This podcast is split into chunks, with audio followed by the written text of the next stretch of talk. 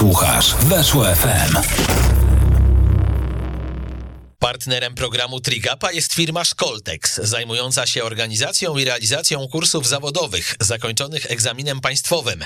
U nas nauczysz się obsługi wózka jezdniowego, ładowarki teleskopowej, żurawia, podestu ruchomego czy suwnicy. Nasze kursy przeprowadzamy na terenie całej Polski. Więcej na www.szkoltex.pl. Dzień dobry, Kamil Gapiński, witam Was bardzo, bardzo serdecznie. Za nami gala Polskiego Związku Triatlonu. Daliśmy dużo, dużo nagród, była fajna atmosfera, było bardzo przyjemnie, środowisko, może nie całe, no bo wiadomo, że tam była ograniczona liczba miejsc, ale spotkało się w hotelu Westin. Jeżeli tam byliście, jeżeli wytrzymaliście wszystkie moje suche żarty, które padły ze sceny, to bardzo serdecznie Wam dziękuję i każdemu przesyłam uściski oraz wyrazy uznania, że dał radę.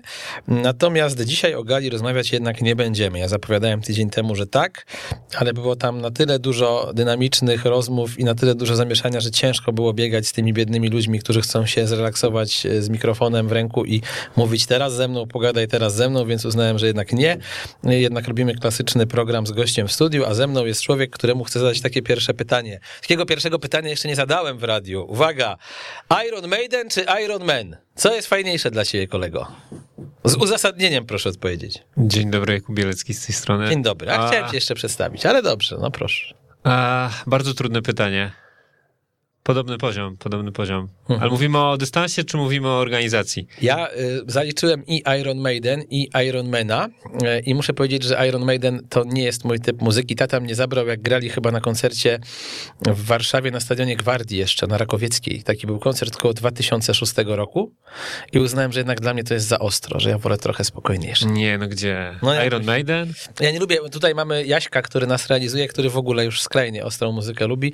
Jakoś tak za, za, za za, za, duży był tumult. Ja jednak wolę spokojniejszą muzykę. No ale Wiesz, ja, ja stawiam Slayer. Znak, ja, ja Iron, ale Slayer to już w ogóle jest jakaś skrajność dla mnie. Natomiast mm. ja, ja znak wyższości nad Iron Man, nad Iron Maiden. No jak to u ciebie? Tak jak ci mówiłem. Dystans, no. dystans czy organizacja? No nie wiem, no może no, widzisz, to, gościem. To się nie odpowiada e, pytaniem na pytanie, ale się udało. E, mhm. jeżeli chodzi o organizację, to Iron Maiden, a dystans chyba dystans Ironmana to jednak wolę, wolę Ironmana dystansowo niż, niż Iron Maiden. Byłem tylko co prawda raz na e, Iron Maiden, mhm. e, akurat na Torwarze. Um, a Ironmanów chyba 9 zrobiłem. O Jezu, aż tyle, naprawdę? No. Który ty jesteś rocznik, Kuba? 8-3. A, no to bardzo dobry jestem rocznik. stary jak węgiel. Wiesz, jest to mój rocznik, e, ale zakładam, że jesteś starszy, bo jestem z grudnia. Ale ja się, no jestem z października. Zastanawiam się, jak to było, tata cię zabrał w 2000, 2006 roku? E, w 2006 roku, tak, zabrał mnie tata, gdyż mój tata bardzo lubi zespoły typu, to nie jest tak, że byłem tak nieogarnięty, że tata musiał mnie zabrać, tylko mój tata ma taką, e, taki, taką taktykę bardzo dobrą, taki sposób, że jak chce zabrać mnie na koncert lub mojej siostry muzyki, za którą wie, że nie przepadam, to mówi, że ma dwa bilety lub trzy i czy byście nie przyjechali ze mną, bo nie chcę iść sam. I na przykład w taki, w taki sposób poszedłem na zespół UFO. Taki zespół jest też. Jasiu pewnie kojarzy. Podnieś rękę, Jasiu, jak kojarzysz UFO. Doktor, doktor mają taki hit. Poszedłem na ich koncert, miałem bekę wtedy staty, bo średnia wieku była z 60 albo 70, bo czułem się bardzo młody. I tam byli tacy fani tego zespołu UFO, którzy, słuchajcie, mieli koszulki typu UFO World Tour 78 albo coś takiego, już w ogóle jakaś skrajność. I mój tata tak zawsze wymyśla i na tej samej zasadzie zostałem zaciągnięty na koncert Iron Maiden. Wiedział, że z własnej woli bym w życiu na to nie poszedł, ale jak już powiedział, że mam bilet, a wtedy ja mieszkałem, słuchajcie, przy metrze na Wołoskim, jest dosłownie 400 metrów od stadionu, e, no to powiedział, no chodź już synu, jak mam bilet, przyjeżdżam, nie chcesz się z ojcem spotkać, no i poszliśmy na ten koncert, ale ten stadion, powiem wam, że był już wtedy zrujnowany, więc jakoś, no nie, nie kojarzy mi się super dobrze. Natomiast nie rozmawiamy tutaj aż tyle o muzyce, bo spotkaliśmy się, żeby pogadać o triatlonie. E, Kuba, jak już wiecie, jest z mojego rocznika, Kuba jest zawodnikiem, Kuba jest trenerem, Kuba jest komentatorem sportowym. I rozpocząłbym od tego, bo to mnie ciekawi, bo jednak rzadko mam tutaj ludzi, którzy mogą już rozumieć w jakiś sposób telewizję czy media na takiej zasadzie, że byli sprawozdawcami. Jak to się dla ciebie zaczęło? Co było na początku dla ciebie trudne w byciu komentatorem? E, jak czujesz, że się rozwinąłeś, a także co dokładnie komentujesz? Jakiego rodzaju zawody? Mhm. Komentuję zawody w Polsacie Sport Extra, Sport, jakiś e, news i, i, tego typu. I to są zawody ITU, czyli ten najwyższy, najbardziej, można powiedzieć, wysokoprofilowany mhm. sport e, w triatlonie. E, tam, gdzie e, zawodnicy, którzy się ścigają e, na tych zawodach, ścigają się na Igrzyskach Olimpijskich, więc właściwie wszystko poza Igrzyskami Olimpijskimi komentowałem. Tych, tych zawodników typu Christian Blumenfeld, czy Vicky Holland, to są takie nazwiska, mm, mhm. które się bardzo, bardzo często pojawiają, a pewnie trochę y, to są nazwiska mniej znane dla osób, których, którzy oglądają i um, bardziej pasjonują się tym dystansem, o którym ty mówisz, czyli Ironman, połówka, mhm. połówka Ironmana. Ale nie oszukujmy się, dużo fajniejsze do oglądania, nawet myślę dla ludzi, którzy uprawiają ten długi dystans, no to jest dystans olimpijski, bo tam się więcej dzieje po prostu. No ja wiem, że e, fajnie się patrzy na Hawaje raz do roku, to można zrobić takie spotkanie z przyjaciółmi przy winku, e, patrzymy, szukamy naszych znajomych age grouperów, patrzymy, czy znowu Frodeno tam mając już 64 lata wygra, ale no jednak ten sport taki najdynamiczniejszy to, to jest to, co ty komentujesz. No zdecydowanie tak. To jest, to bardzo, bardzo, bardzo ciekawie się ogląda. Mnie osobiście e, fascynują te zawody. E, nieprzewidywalność e, i dynamika tych zawodów jest, jest super i no i w końcu pojawiają się polskie, polskie nazwiska na arenie międzynarodowej. Wcześniej to komentowaliśmy chyba tylko Agnieszkę Jerzyk na finale Mistrzostw Świata w Lozannie. No teraz się już kilka nazwisk pojawiło. Już w roku pandemicznym wystartowaliśmy ze sztafetą, więc było to e, bardzo miłe, bardzo fajne e, przeżycie. A wszystko zaczęło się w 2016 roku, więc już mhm. szmat czasu. Przez zupełny przypadek po prostu Polsat wykupił e, prawa do jednej czy dwóch transmisji, no i potrzebowali kogoś, e, dzięki Tomkowi Prosińskiemu, który mnie polecił, Marcinowi Wicińskiemu. Spotkaliśmy się najpierw na kawie, pogadaliśmy no i mhm. poszliśmy na całość. I co na początku na przykład było dla ciebie trudne w komentowaniu? No bo to nawet wiesz, goście, którzy e, powiedzmy uprawiają dziennikarstwo, ale nie od strony komentatora, jak siadają przed mikrofonem, to często mają problem, bo a, okazuje się, że wcale nie jestem taki rozmowny, jak mi się wydawało, b, okazuje mi się, że okazuje się, że nie potrafię się, mówiąc brzydko, zamknąć i gadam za dużo, co może tą jedynkę, czyli gościa, który jest głównym komentatorem wkurzać. C, ja mówię z mojego doświadczenia, co ja miałem z ekspertami, jak robiłem dużo piłki ręcznej i jak miałem zawodników zawodników byłych, e, albo na przykład ktoś mówi oczywiste oczywistości, czyli nie wiem, gość rzucił brzydko, znaczy niedobrze z drugiej linii, a on mówił, oj, zły rzut z drugiej linii. No tyle to każdy widzi, nie? To jakby od eksperta chciałbym czegoś więcej. To jakie były dla ciebie te plusy, a te minusy na początku? Mm, w ogóle wydaje mi się, że ja chyba lubię strasznie dużo gadać mhm. i to nie był jakiś strasznie duży problem. E, Marcin, e, właśnie z którym komentuję, o którym wspominałem, którego serdecznie, serdecznie pozdrawiam, miał trochę mniejsze pojęcie o triatlonie, on mniej więcej wiedział, jak to wygląda, więc to było takie wejście. Mhm. To były pierwsze zawody transmitowane mm, w Polsacie, więc było dużo do opowiadania. E, był finał. Mm, ja wcześniej oglądałem e, sam dla siebie e, zawody z cyklu ITU, więc te nazwiska nie były dla mnie żadną tajemnicą. Mhm. Myślę, że tak gdzieś około 2012 miałem wykupiony abonament na zagranicznych portalach na, na Triathlon Live, więc to wszystko w miarę mniej więcej pamiętałem. E, pamiętałem, jak e, Alistair Brownlee e, się ściął przed metą i z gorąca nie był w stanie hmm. przejść, a wszyscy tylko pamiętają, jak Alistair pomagał Johnemu, więc te, te, rzeczy, te rzeczy, można powiedzieć, oglądałem na żywo. To jakoś tak wyszło po prostu bardzo, bardzo naturalnie. Chyba na drugiej transmisji moja żona się zapytała, bo była wtedy w studiu, czy ja się nie stresuję, jak wiem, że słucha tego kilka tysięcy osób. I to było takie, Jezu, czy ja się... Nie, nie stresuję się. To po prostu wyszło mi Zupełnie, zupełnie naturalnie. Trudniej z doświadczenia wiem, nawet e, wspominając tę sobotnią galę, jest występować przed kilkuset osobami, które widzisz, niż jak coś sprawozdajesz, bo wtedy się nad tym po prostu nie zastanawiasz. Koniec końców siedzisz w jakimś e, małym pomieszczeniu z dwoma pewnie telewizorkami, ze słuchawkami na uszach e, i tego wszystkiego nie doświadczasz aż tak mocno. Wiadomo, że jak masz przed sobą tłum żywych ludzi, wychodzisz na scenę, no to nie każdy dobrze reaguje. Można się po prostu zestresować, jeżeli ktoś jest do tego nienawykły, nawet jak ktoś jest nawykły nawykły, to też może czuć jakiś tam stres. A powiedz, to jest zdecydowanie no, trudniejsze wystartowanie. Hmm, tak. No ty, ty pewnie wiesz, jak to też wygląda, że pewnie jak pierwszy raz przyszedłeś, no to masz kaszlaki, czyli takie przyciski do tego, żeby e, można było kaszlnąć, wyłączyć, jak to wszystko działa. Takie technikalia były mhm. dość trudne, dość ciężkie. Na szczęście Marcin mi w tym bardzo pomógł. E, też taką relację stworzył, jak za, zacząć e, komentować, jak mhm. otworzyć, jak, zako jak zakończyć, co podać i tak dalej. W tym roku e, dwa razy komentowałem sam zawody Mhm. i to jakoś, no właśnie dzięki temu, że Marcin to pokazał, to już mniej więcej wiem, jak to robić i, i staram się to Powiedziałeś, napisałeś mi, bo ja poprosiłem Kubę, żeby mi parę takich zdań o sobie napisał przed tym programem, co uważa isto za istotne w swojej jakby takiej przygodzie z triatlonem. Mm, napisał mi taką rzecz, że ta oglądalność zawodów wzrosła trzy razy, odkąd zaczął komentować.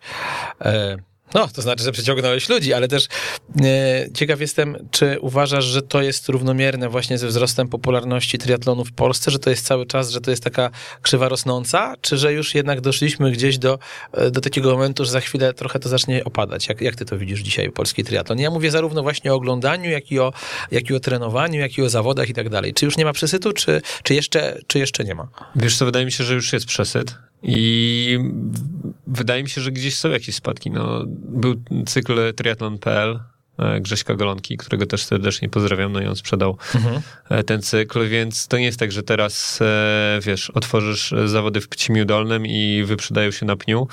Teraz jednak, e, no nie wszystkie listy są e, od razu zamknięte. Ciężko powiedzieć, czy to jest związane z tym, że jest pandemia, czy z tym, że mm, jednak no, ludzie powoli odchodzą, nie wiem, chociażby do kolarstwa, być może, albo do biegów górskich, to naprawdę ciężko powiedzieć. Albo też odkrywają na nowo bieganie, bo tak również bywa. Tak bywa również. Yy, I to naprawdę, naprawdę ciężko powiedzieć. No są jeszcze swimrany, jest gdzie inwestować swój czas i Mhm. e, no i pewnie, wiesz, to też nie jest łatwe, że poświęcasz e, kilka lat swojego życia, no i jesteś trzeci, czwarty w age grupie, to nie jest takie, no jednak bodźcowanie jest potrzebne, więc e, Mhm. wydaje mi się, że gdzieś ten e, rynek się już wysycił, Mhm. e, mniej więcej.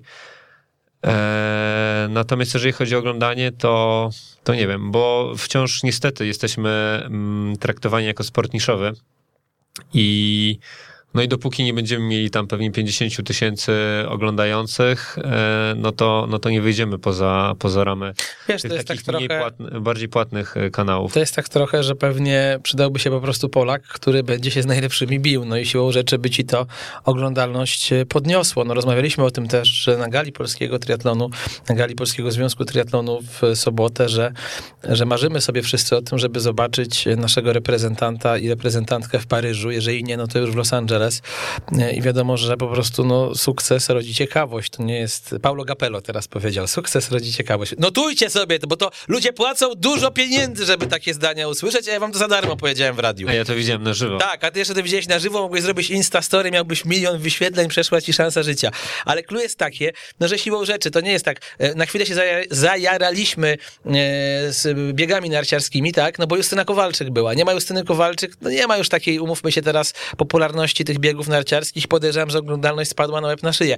Jakby nagle wystrzeliła Roxana Słupek czy Paulina Klimas i zaczęła się na każdych zawodach ITU, wiesz, o pierwszą dziesiątkę, piątkę tłuc, czy, czy tam już nawet nie mówię o podiach, to też by więcej ludzi to oglądało. To jest normalne.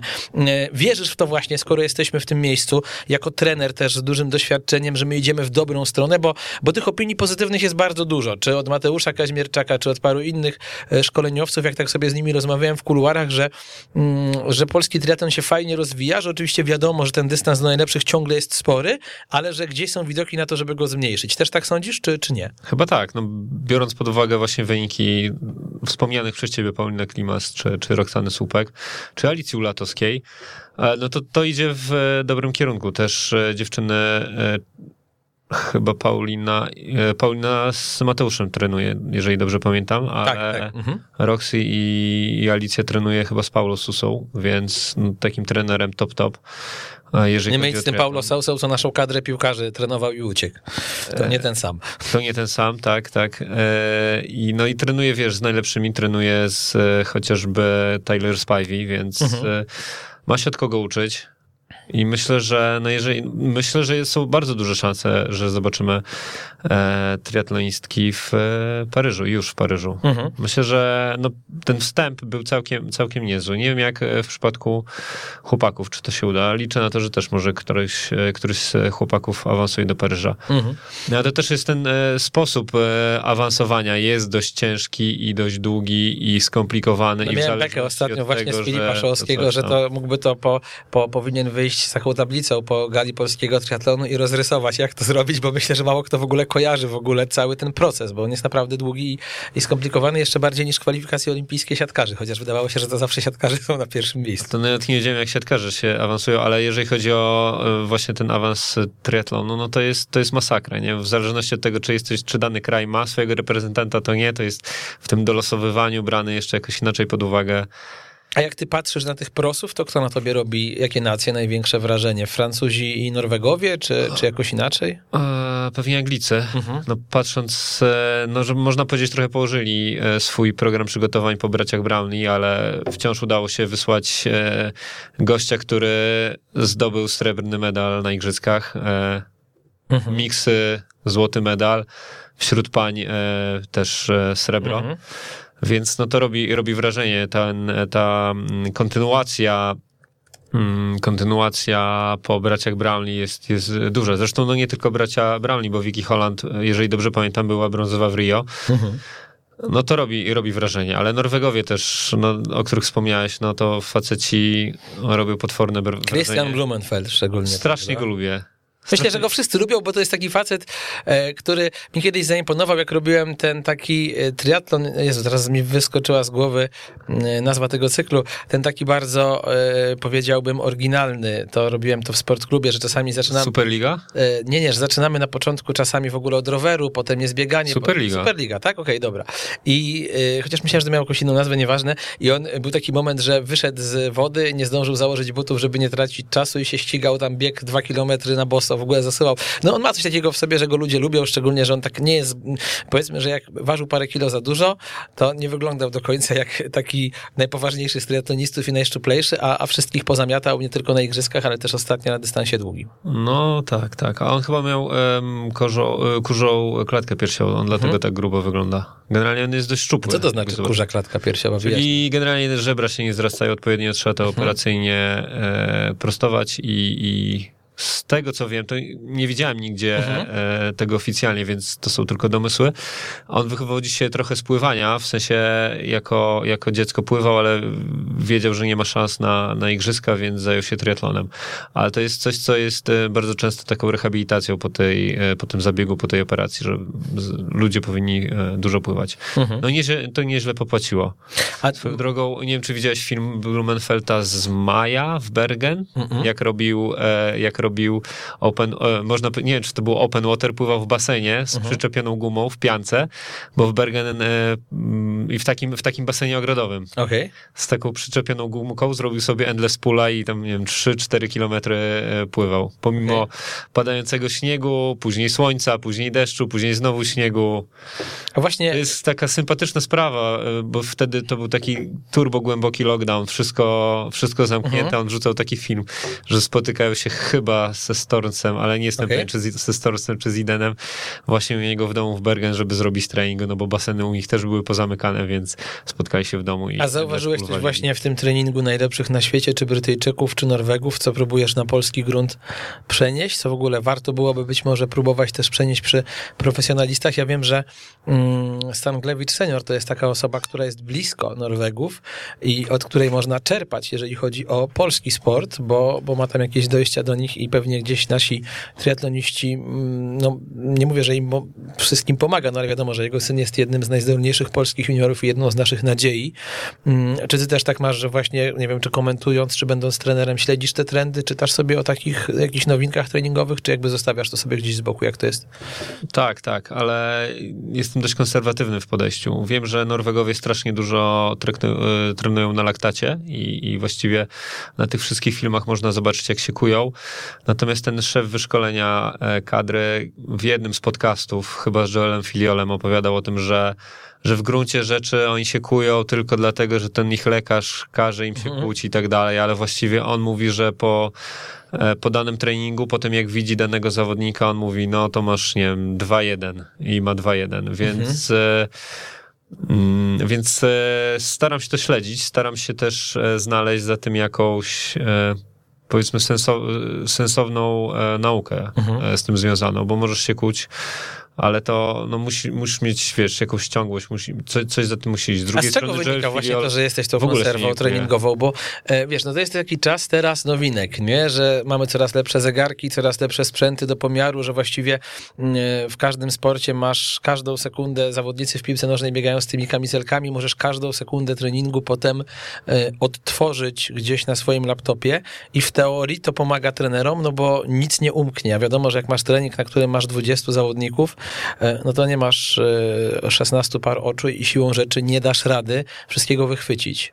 E, To co ci się w tych nowinkach ewentualnie nie podoba i nie wiem, gdzie widzisz tę e, przewagę tradycyjnego treningu nad, e, nad, nad tym nowoczesnym? Czy może nie widzisz? Nie, to chyba nie jest tak. Znaczy, to, to właśnie w teorii pomaga. Mhm. Tak mi się wydaje, że generalnie ten szum informacyjny dookoła po prostu wszystkiego jest strasznie duży i, i w, w, no, im więcej rzeczy możesz zmierzyć, w tym w, w teorii jest lepiej, ale pytanie, czy gdzie są zduplikowane informacje, co jest tak naprawdę ważne. Mhm. E, Do tego czasem, no jeszcze dochodzi zmienność treningu. E, Też a propos takich konserwatywnych poglądów, no to często moi zawodnicy wykonują podobne albo takie same treningi, no między innymi po to, żeby właśnie zobaczyć progres. Mhm. No bo z jednej strony masz, no, weźmy sobie tętno i jak tętno rośnie w zależności od na, na, na jakim powtórzeniu. No i jeżeli uznamy, że nie wiem, z danego treningu średnie tętno z zadania było 140, e, no to, no to jest jakiś, jakiś benchmark, nie? Teraz jeżeli tydzień później zrobi ten sam trening i wyjdzie 139 albo 138, no to można powiedzieć, że jest progres. Można niekoniecznie, ale chodzi, chodzi mi o to, że powtarzanie pewnych rzeczy Mhm.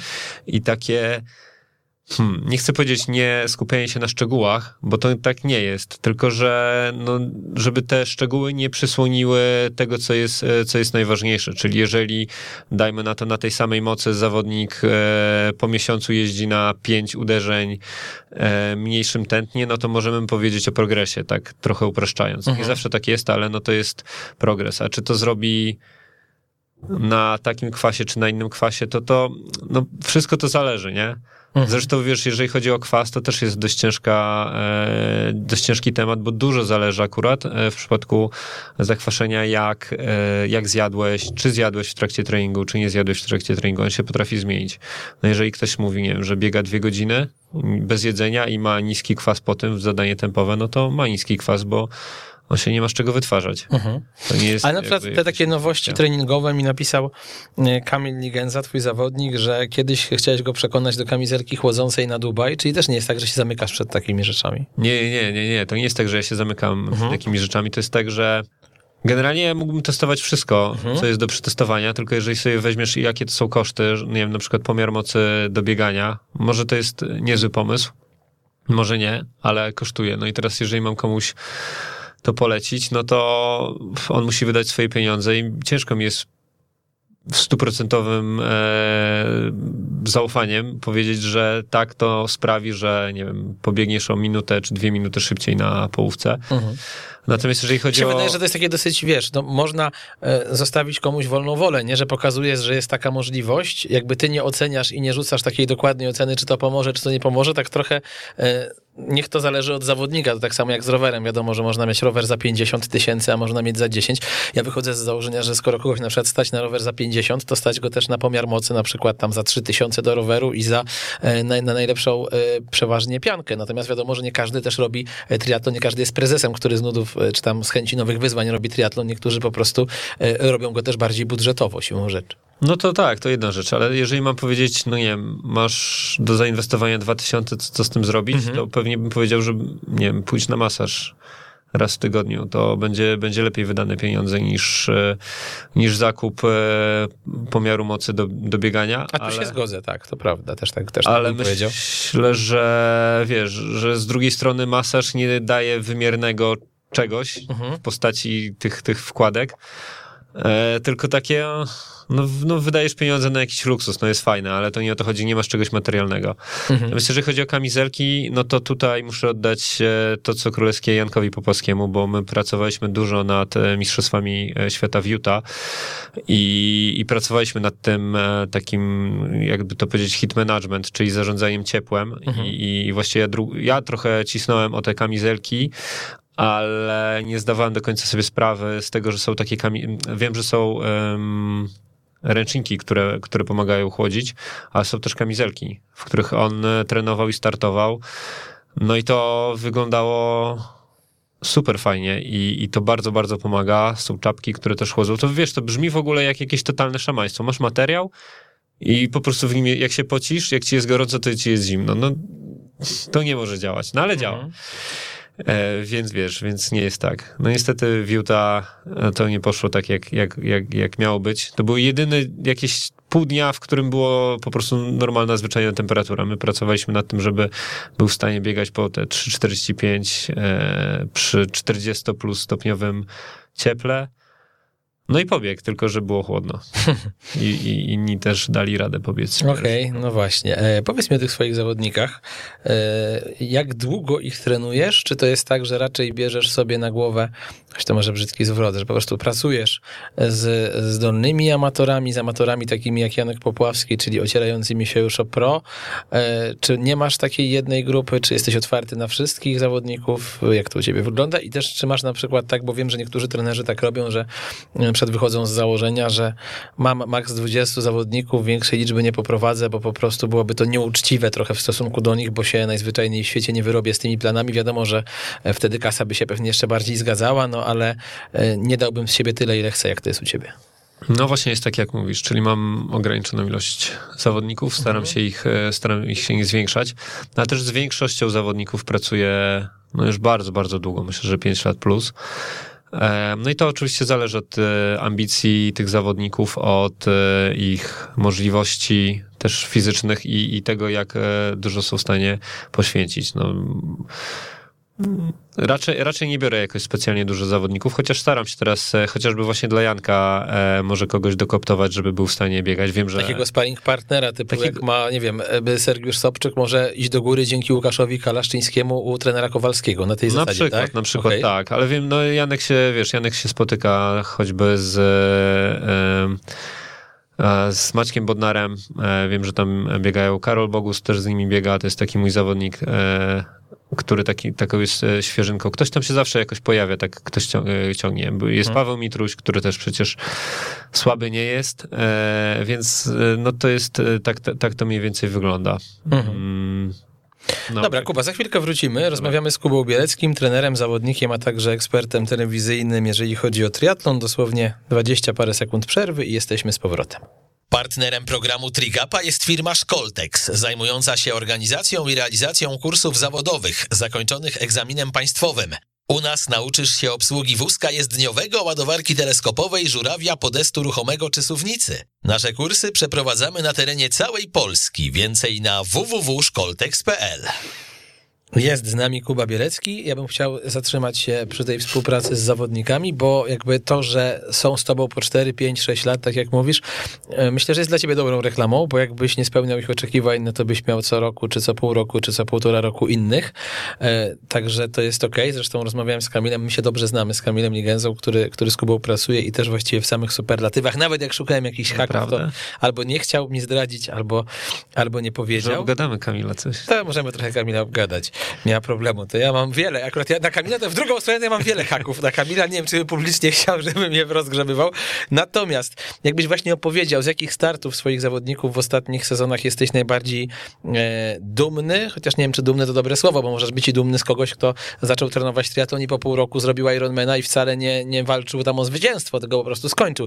Ale właśnie jakieś takie historie inspirujące, jakie ty masz ze swoimi zawodnikami. Pytam też o to dlatego, bo mówiłeś, że pisałeś mi, że mm, z tymi wszystkimi najmocniejszymi, z którymi rozpoczynałeś współpracę, to e, ona była z takiego niełatwego poziomu zaczynana, bo przeważnie byli po jakimś urazie.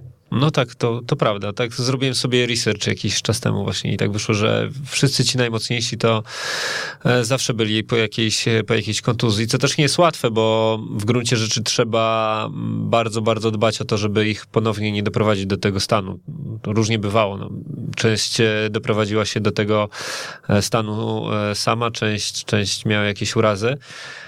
A jeżeli chodzi, wiesz, o te zawody, z których jestem e, dumny, w szczególności z moich zawodników, to nie wiem, ile mamy czasu, bo hmm. myślę, żebyśmy się nie wyrobili. Jeszcze 25 minut. To możemy, to ja będę teraz gadać. Możesz po prostu od, oddajesz mi antenę, jak e, w Polsacie czasami Marcin mi oddaje, e, oddaje antenę i kiedyś podobno szef Polsatu zadzwonił do Marcina i to był, to był jeden z pierwszych dwóch, z pierwszych, może drugi, drugie zawody mhm. i powiedział, e, Marcin, co to był za gość? W ogóle jaki on miał flow, jaką zajawkę złapał? No i to też między innymi pewnie zaważyło, że, że Polsat podpisał kontrakt na 3 mhm. lata i teraz chyba na 4 dodatkowe lata. To super. No dobra, no to powiedz, to, wiesz, to wspomniałem o Utah mhm. jestem w, w gruncie rzeczy bardzo zadowolony z tego startu Janka, bo tam jechał no, w bardzo trudnych e, warunkach, jeżeli chodzi, żeby dostać się w ogóle do Stanów Zjednoczonych. Poświęcił na to naprawdę dużo. Mhm.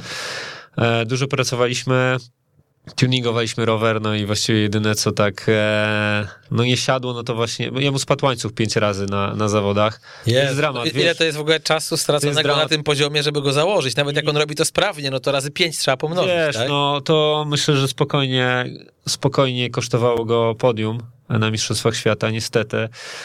E, poszedł do serwisu przed startem, powiedzieli mu, tym razem na pewno nie spadnie i tak dalej. Chciał, żeby mu przerzutkę zamontowali, bo, miał, bo on jechał na singlu, żeby mu przerzutkę zamontowali i on powiedział, teraz na pewno nie spadnie. No i spadł pięć razy. Mówi, że to Zajebisty cud, serwis, naprawdę. Że to cud, że on się nie zabił, bo 70 na godzinę jechał i jeden 70 na godzinę wyszerpywał łańcuch yy, z pomiędzy zębatek, żeby, żeby jak najmniej najmniej tracić. Więc to są takie zawody, z których naprawdę byłem bardzo, bardzo zadowolony. Tak, mhm. yy, Paweł Mitruś, e, który w Gdyni właściwie, no właśnie z Pawłem wracaliśmy po kontuzji, on miał e, bardzo, bardzo delikatne złamanie zmęczeniowe stopy. Na szczęście udało, udało mi się go przekonać, żeby poszedł na rezonans, na rezonansie, bo często zmęczenia, w, zmęczenia we wczesnej e, fazie nie są wykrywane na RTG i mhm. RTG było czysto, ja mówię pójdź zrób rezonans, bo w rezonansie może będzie jednak coś widać i faktycznie tam było lekkie złamanie zmęczeniowe. Mhm.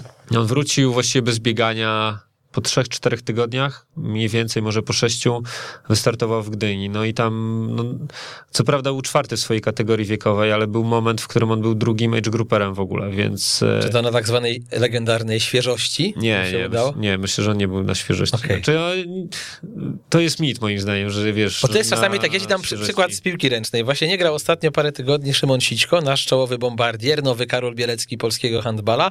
Miał rozwalony staw skokowy, trzy tygodnie nie trenował, wszedł na Mistrzostwa Europy i wszyscy drżeli, jak on to zniesie. I pierwsze dwa, trzy mecze to rzeczywiście ginął w drugich połowach, bo nie miał sił, ale potem przeszedł tak, że aż byłem zdziwiony, że po takim urazie facet wraca i sobie rzuca te bramki normalnie. No dobra, ale... Nie, myślę, że wiesz, on trenował. Mhm. To no też dobra. jedna z takich tre okay. teorii treningowych, że musisz być wypoczęty, żeby dobrze startować. No, prawda. Mitruś i Janek to są ludzie, których y, jakby myślę, że szerokie grono ludzi, którzy nas dzisiaj słuchają, kojarzą, a tacy mniej oczywiści zawodnicy, z których jesteś dumny w ostatnich latach, z ich postępów, z ich wyników, z ich startów? Myślę, że Paulina Prugar, mhm. no to jest zawodniczka, która, no też przychodziliśmy, no to ona była mocno, nie chcę mówić jakby jak, co było konkretnie, bo może sobie tego nie życzę, ale była dość mocno skontuzjowana i Właściwie pierwszy rok pracowaliśmy nad tym, żeby ona wyszła, wyszła z kontuzji. E, no i teraz coraz lepiej sobie radzi i na rowerze, i na pływaniu. Bieganie w miarę zawsze miała obcykane, no ale powiedzmy, że to jest poziom, wiesz, 40 minut na dychę, nie? No to, mhm. to nie jest poziom pro, ale chociażby w Bydgoszczy była druga e, w NA Bydgoszcz e, triatlon, nie? Więc to jest naprawdę e, mega, mega solidny, solidny wynik. To była taka niesamowita walka, bo ona stanęła gdzieś z tyłu i właściwie tracker pokazywał, że ona cały czas awansuje i no, myślę, że gdyby jeszcze 2-3 kilometry bieg był dłuższy i tak tam wiadomo, że jest trochę dłuższy bieg, to, to wygrałaby te zawody. Mhm. ale tak było, wiesz, Biegnie pierwsza, biegnie druga, a jej nie ma.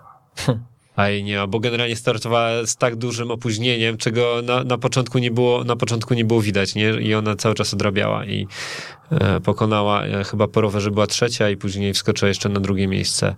Jest e, z nieoczywistych osób, myślę, że to tutaj naprawdę chciałbym bić pokłony przed Robertem Rożkiem, który jest zawodnikiem... Mm, Mam nadzieję, że się nie obrazi, bo to jest e, zawodnik, który złamał sobie biodro. Kiedy, nie wiem, czy ty startowałeś wtedy, to były właśnie cykl Grześka Golonki w Mrągowie chyba, Nie, w popada, Mrągowie nigdy nie startowałem. Tam popadał deszcz i Okej. poka- e, był nawrót po kostce brukowej. Aj, aj, Tam, aj, to już boli e, sama myśl. Generalnie połowa zawodników pod, e, podobno leżała, Twister też, e, też leżał, ma takie fajne zdjęcie właśnie jak on leci, leci do dołu i tam połowa, połowa zawodników gdzieś leżała. Ja wtedy oczywiście jechałem na pełnej bombie, tam pff, ślisko, co tam ślisko i się akurat nie wywróciłem, ale wiedziałem, że była jedna osoba, która się bardzo poważnie wywróciła.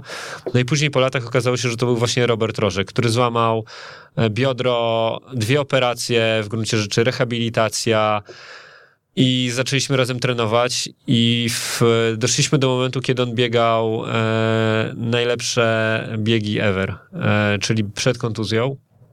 No i wywrócił się na drugie biodro, złamał drugie O biodro. Jezu Chryste, człowieku, Robercie, ile można mieć Słuchaj. Nie znam cię, ale ci I współczuję. on, wiesz, i to w takim głębokim covidzie, no, no, no to musiała być jakaś totalna masakra, bo on leżał w izolatce, covid, to biodro musiało się zrosnąć Mhm. i wrócił i w zeszłym roku prawie złamał 5 godzin w połówce, A jaki to jest age group? 40. Mhm. E, więc on prawie złamał 5 godzin, człowiek bez bioder, prawie że i To właśnie robi taką historię wyniki. mi chodziło. To rzeczywiście robi wrażenie. No w, w, w Neonie, można powiedzieć, mamy taką nagrodę Dzik Roku, którą przyznaje e, szanowne grono i tam, tam wybiera e, gro, grono dzików, no i Robert został wybrany Dzikiem Roku. Jeszcze przed tym złamaniem biodra, no teraz powinien być, nie wiem, jakimś super dzikiem, tak mi się wydaje. No jest, Nowa kategoria. jego, no ale jest tak, że nie może dostać drugi raz, więc, e, więc wiesz, to jest taka, no jest właśnie takich super inspirujących historii, myślę, gdzieś w mojej, w moim życiu tak dużo właśnie takich zawodników, którzy gdzieś wracają po jakichś kontuzjach. Przypuszczalnie Robert nigdy nie będzie mistrzem świata. E, W normalnych warunkach też pewnie nie dostanie slotu na e, Hawaje, ale, ale dla mnie po prostu jest chyba najbardziej takim zawodnikiem, którego jak najbardziej podziwiam. A z ludzi, na których patrzysz jako trener jeżdżąc na zawody, e, i teraz nie mówię tylko o twojej drużynie, ale o całokształcie, to kto według ciebie ma największe szanse, żeby zostać następcą Marcina Koniecznego i stać się mistrzem świata na Hawajach? I przekornie dodam, i dlaczego jest Janek. Sergiusz Sobczyk? A, no Janek. właśnie, myślałem, że może powiesz, że jednak Sergiusz. Nie, wiesz, e. no w zeszłym roku jakoś nie, nie wszystko się spięło. Też Se- Serek, e, którego serdecznie pozdrawiam, e, mm, był, taki, był, był moment, w którym Janek wydaje się, że był e, lepszy od e, Serka. Serek chyba się wziął w sobie i, i poprawił się. I pamiętam w zeszłym roku właśnie Mistrzostwa Polski w duatlonie. E, to gdzieś tam, wiesz, no na tym poziomie, no to już jest kwestia jakiejś tam Dyspozycji dnia, jak to się dyspozycji mówi. dnia, uwagi, nieuwagi, bo oni tam.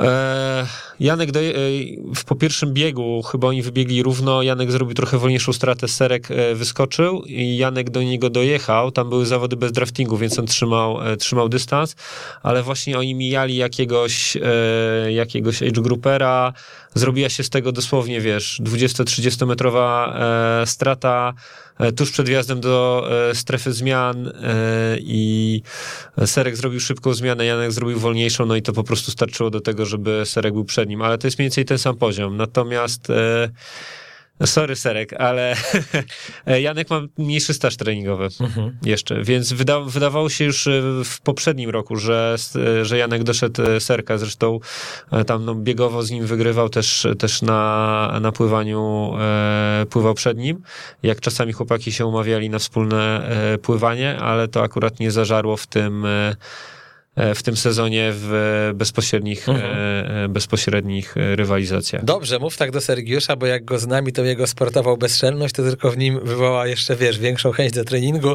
E, konfrontacja Popławski kontra Sobczyk. Ja mam nadzieję, że na przykład może dojdzie do niej w suszu, gdzie będę jednym ze speakerów i będę miał okazję na żywo to pokomentować panu. Możesz zobaczyć, możesz to zobaczyć. Jeszcze myślę, że Karol Bogus też ma szansę Aha. na Mistrzostwo Świata. On w kategorii M40. O, to powiedz, bo Myślę. szczerze powiem, że nie kojarzę w ogóle nazwiska. Jakbyś mi coś To jest gość. powiedział. który z którym się tak poznałem przez przypadek, bo jednym z moich zawodników e, jest e, attaché w, e, w Turcji. E, teraz chyba pełni e, rolę ambasadora. I jego takim kolegą był właśnie e, Karol, który też pracował w ambasadzie. No i to było strasznie deprymujące, ponieważ gościu, który, słuchaj, jakbyś zobaczył zdjęcia Karola z tych dobrych czasów, e, w sensie, kiedy on trenował na siłowni, to byś mógł go spokojnie z Pudzianem pomylić, a teraz po prostu jest chudziutki, szczuplutki. No i przed taki gościu, no i on trenował, ten mój zawodnik trenował, trenował, a ten przyszedł i nie wiem, on z miejsca zrobił połówkę 4,30. Mhm. Więc jest e, z fatalnym pływaniem.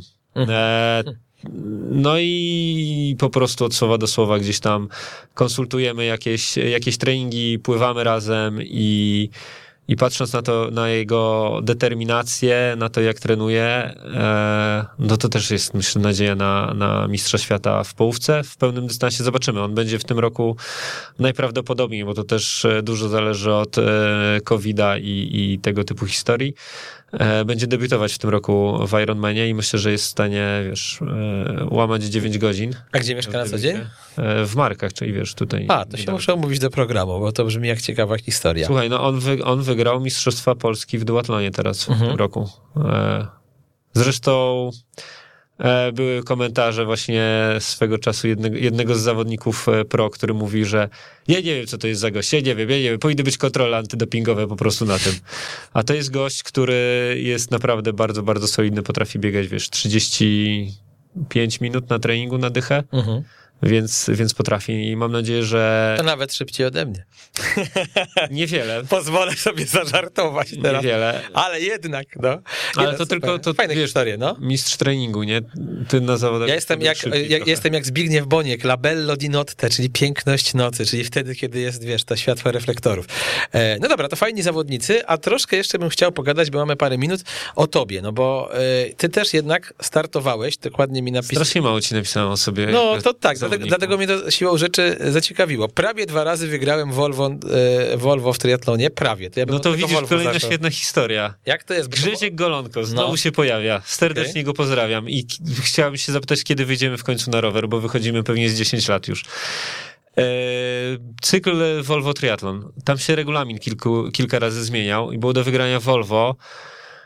E, już nie pamiętam, która wersja regulaminu była taka najbardziej korzystna dla mnie, e, która to była wersja, Mhm. ale jedna z wersji regulaminu mówiła, że na zakończeniu na gali trzeba będzie podać e, czas zawodnika wybranego losowo i jednego z zawodników pro, już nie pamiętam, e, kolarskich pro, który miał przejechać trasę 5 kilometrów jakąś i trzeba było podać ich wspólny czas.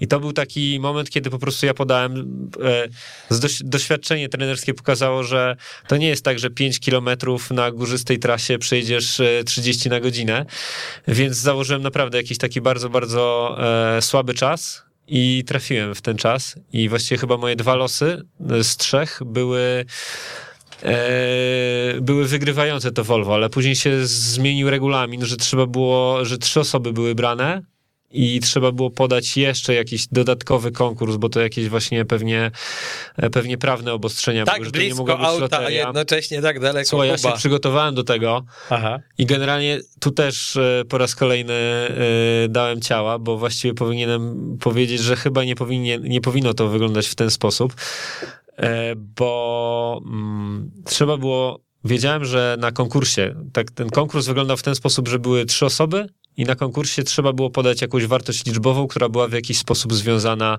z e, Volvo. Więc na sam, ja, zanim to wiedziałem, to kułem po prostu historię Volvo. Hmm. No wszystko wiedziałem o Volvo, ale później się, Trener przygotował się. jak dobrze. się dowiedziałem, że to ma być wartość liczbowa, to zacząłem wkuwać emisję, spalanie i tak dalej, i tak dalej. No i konkurs wyglądał w ten sposób, że trzeba było nagło, że były trzy osoby, losowaliśmy kto mówi pierwszy i nagłos ta osoba mówiła, jaka jest dana wartość. I później druga osoba na głos i trzecia osoba na głos. To jakby z matematycznego punktu widzenia nie, nie miałem żadnych szans na wygraną, byłem pierwszy. Mhm. I, I pytanie padło, w którym roku pasy, y, zostały wynalezione pasy? A ja tak dwa tygodnie temu wiedziałem, Boże!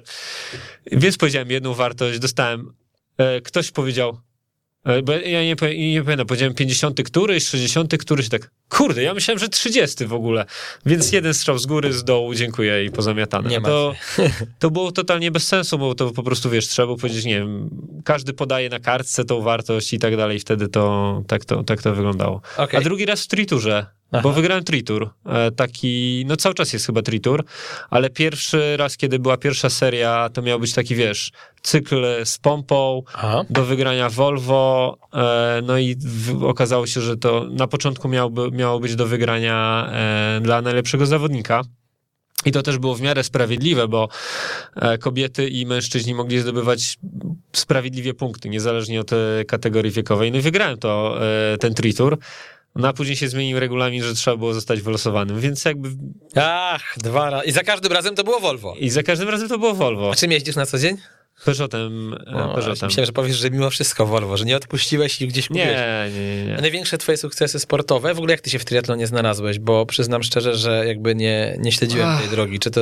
Skończyłem informatykę. No właśnie, to tak wiesz. mi pasuje. Informatyka na Polibudzie i... Nie, no, a, a Mitruś to samo, kończył No ten to, sam pra- wydział co to ja. prawda, faktycznie. No był u mnie i mówił, ale wiesz, ja już mam tylu gości, że każdego biografii też nie pamiętam na, po, po roku czy dwóch. No dobra, no i jak to się zaczyna? No i wiesz, YouTube, patrzysz, kurde, jest coś takiego jak Iron Man i tak, Jezu, maraton i, i tu 180 kilometrów. Myślę, tam, to, tam, to, to Czyli nie wywodziłeś się z jakiegoś sportu, tak jako Nie. dzieciak, że tam, nie wiem, zacząłeś pływać, jak miałeś 7 lat, czy, czy biegać? Nie, nie, nie, nie, nie, zupełnie. Nie, nie, byłem gruby. Aha. To jakby, w, wiesz, Quake, te sprawy. Mhm, Ewentualnie na nartach jeszcze w miarę dobrze jeżdżę. Okej. E, więc wiesz, stwierdziłem, a to zrobię to i, i właściwie w, no w rok, to nie polecam tego, nie? w rok się przygotowałem jeszcze po, po drodze. Z trenerem, sam? Sam, sam, wiadomo, że sam. Super.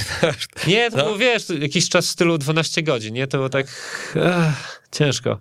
Wtedy Marcin Konieczny też debiutował chyba, chyba 10, 10 coś. Tam były jakieś potwornie ciężkie warunki wyborów wtedy. Mhm. No ale to tak zadebiutowałem. No i Poszło. jakoś się to tak poszło, nie? I później miałem okazję jakoś przekuć ten, nie wiem, tą wiedzę, to doświadczenie w pracy i A życiówkę na jakim poziomie ustaliłeś sobie?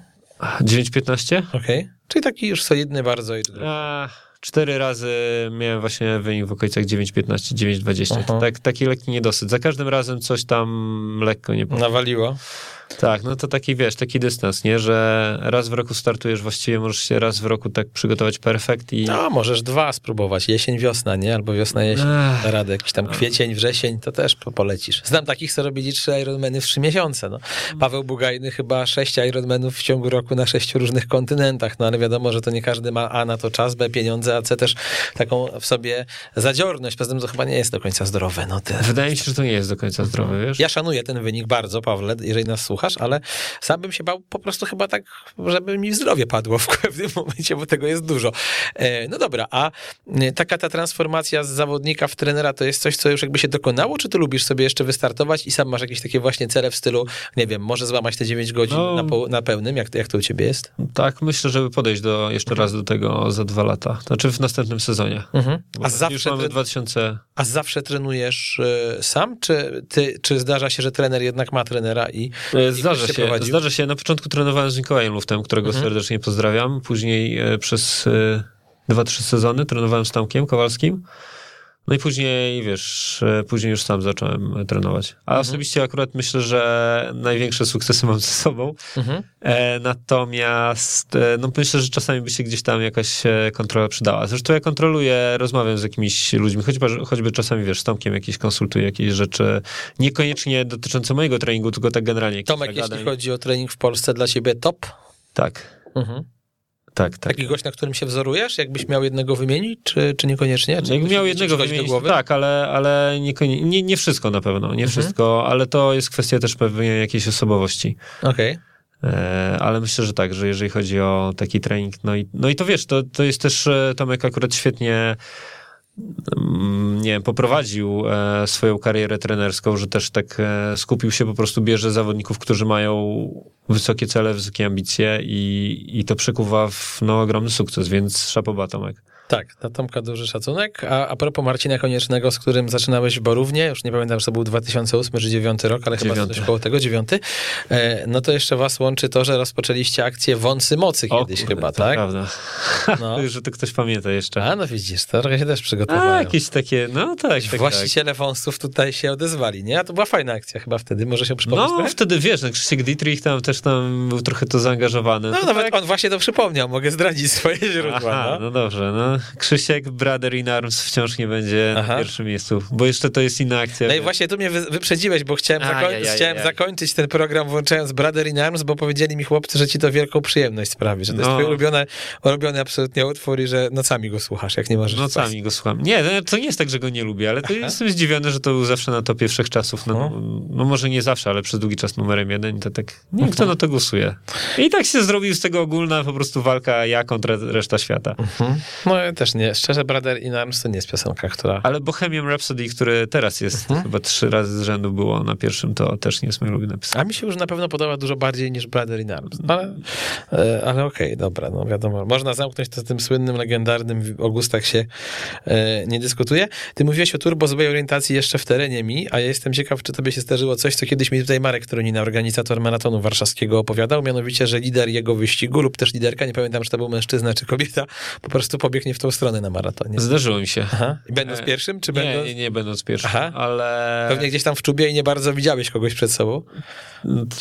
Nie, nie, nie wiem, czy chcę... No powiedz, Nie. dawaj. My się tutaj czasami kompromitujemy, ja też się... taki- kom- e, Słyszałeś o zawodach Habdzinmana? Jakich? Habdzinman. Nie. To był taki, wiesz, w Habdzinie Aha. zawody w takim stawiku i tak dalej, tam startowali taki e, tacy, tacy, no to lokalni, wiesz, warszawscy Mhm. triatloniści, Mikołaj Luft, chociażby Mhm. też gdzieś, gdzieś tam kiedyś startował. E, wtedy pamiętam pierwsze z Kubę Woźniaka zobaczyłem. No ja pamiętam, że to już była któraś edycja, wiesz, biegnę po 4 minuty na triatlonie, to jest w miarę szybko jeszcze na tamte czasy i przebiega obok mnie gościu, jakby jechał samochodem. Myślę, się wygłupia, no przecież on tak nie pobiegnie. On No. pobiegł chyba wtedy po 3 minuty na kilometr. to takie, no szybko, szybko biegał. Ale to były takie zawody, pierwsza edycja i pytałem się, jak zakręcić i czy na pewno jest tutaj skręt i tak dalej. No i usłyszałem, że, że wszystko jest dobrze oznaczone, więc pojechałem prosto zamiast skręcić w prawo. Ale to było dziwne, bo jedzie gość przede mną i tam wiesz, jeden zakręt, drugi zakręt, coś tego i nagle go nie ma i okazało się, że musiałem wracać na trasę. Mhm. A to było tyle przyjemne, że później dużo osób na rowerze byłem w stanie... E, Nawrócić. A, myślałem, że nawrócić, zaraz im pokazać. Ale to jak, Ale wrot jeszcze, wrot jeszcze za, za, zabłądziłem Mhm. przez chwilę. to jak w Weymouth, to jak w Weymouth podsiadłowski, że pojechał nie tą drogą, a potem wrócił i tak wygrał te zawody jeszcze. No, trochę tak. Później pamiętam, że Podsiadłowski gdzieś napisał, że gdzie tam, że, że pierwszy, pierwszy odcinek pobiegłem jakoś tak wolno, a później ja wtedy biegłem na maraton na trzy godziny w, Mhm. e, w tym rok. E, No, co się nie skończyło się kryzysem, ale, ale właśnie wybiegłem i pierwszy, pierwszy kilometr miałem jakoś tak, e, pi- pierwszy odcinek e, do pomiaru miałem jakoś tak strasznie wolny, bo wybiegłem chyba z 500 metrów w jedną i później w 500 metrów musiałem w drugą e, Mhm. stronę, a i tak na, na, wtedy na połówce chyba miałem 1,30 mniej Ale w ROT się zgubić, to tyle dla mnie, tam nie byłem, ale zawsze mi się ROT, jakbyś mi powiedział z jedną rzeczą, z jaką mi się kojarzy, to z taką dużą liczbą Niemców przy trasie, jak dopingują, to tam, No, bo musiał być taki moment, że nie ale było tak kibiców. na biegu było. To, było, a to nie na rowerze, to na biegu. nie, no okej, po prostu gdzieś tam, ale tam stali, stali ludzie, więc pobieg, ale to był jakiś camping, coś takiego, więc, Okej. Więc prosto tam trzeba skręcić w prawo. I... Moi drodzy, Kuba Bielecki był z nami, trener, zawodnik, komentator, jak też e, słyszycie, człowiek, który pewnie w triatlonie jest bardzo mocno od dawna zakochany. Dziękuję ci bardzo. Dzięki serdeczne. Jak ktoś naszego podcastu nie słuchał od początku, to oczywiście będzie w internecie. A propos podcastów, dowiedziałem się, że portal triathlonlive.pl nominował mnie e, do podcastu roku. Także jeżeli słucha wam się tego w miarę dobrze i nie macie facepalma co 30 sekund, to proszę o głosy. Od 4 lutego chyba można głosować. Ja zagłosuję. Och, co za wierny, dobry tutaj e, gość. Dziękuję serdecznie. Jestem też nominowany w kategorii e, Speaker Roku na zawodach. Już w ogóle się zaraz obleję rumieńcem. Jak ktoś ma ochotę, to od 4 lutego chyba przez dwa czy trzy tygodnie w ogóle można głosować, więc to będzie bardzo dużo. Trzeba będzie bardzo dużo pracy wyborczej wykonać, żeby tam być w czołówce, ale jestem na to gotów. Podejmuję rękawice. Dziękuję Ci, Kuba, jeszcze raz bardzo. Dzięki serdeczne. Dziękuję Wam bardzo gorąco. Pewnie słyszymy się za tydzień. Kamil Gapiński, na razie. Partnerem programu Trigapa jest firma Szkoltex, zajmująca się organizacją i realizacją kursów zawodowych zakończonych egzaminem państwowym. U nas nauczysz się obsługi wózka jezdniowego, ładowarki teleskopowej, żurawia, podestu ruchomego czy suwnicy. Nasze kursy przeprowadzamy na terenie całej Polski. Więcej na www.szkoltex.pl Słuchasz Weszło FM.